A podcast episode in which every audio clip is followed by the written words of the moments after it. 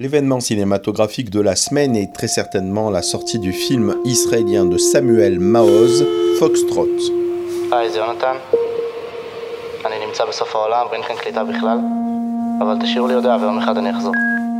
Autant son premier film, Lebanon, s'inspirait d'éléments personnels de son expérience de soldat pendant la guerre du Liban, autant pour Foxtrot, Samuel Maoz apporte avec ce film éblouissant une réflexion plus large sur la destinée et les chemins étranges que prennent la vie. C'est l'histoire de Michael et Daphna, mariés depuis 30 ans, qui mènent une vie heureuse à Tel Aviv. Leur fils aîné Jonathan effectue son service militaire sur un poste frontière en plein désert. Un matin, des soldats sonnent à la porte du foyer familial. Le choc de l'annonce va réveiller chez Michael une blessure profonde enfouie depuis toujours.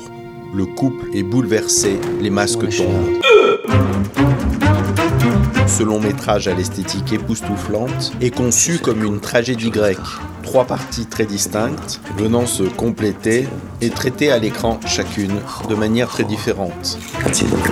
Porté par les interprétations magistrales de Lior Eskenazi et de Sarah Adler, le film de Samuel Maoz sidère le spectateur autour des grandes questions de la vie. Couronné au Festival de Berlin, ayant remporté de nombreux ophires, les Césars israéliens cette année, le film confirme la vitalité du cinéma israélien. À voir de toute urgence.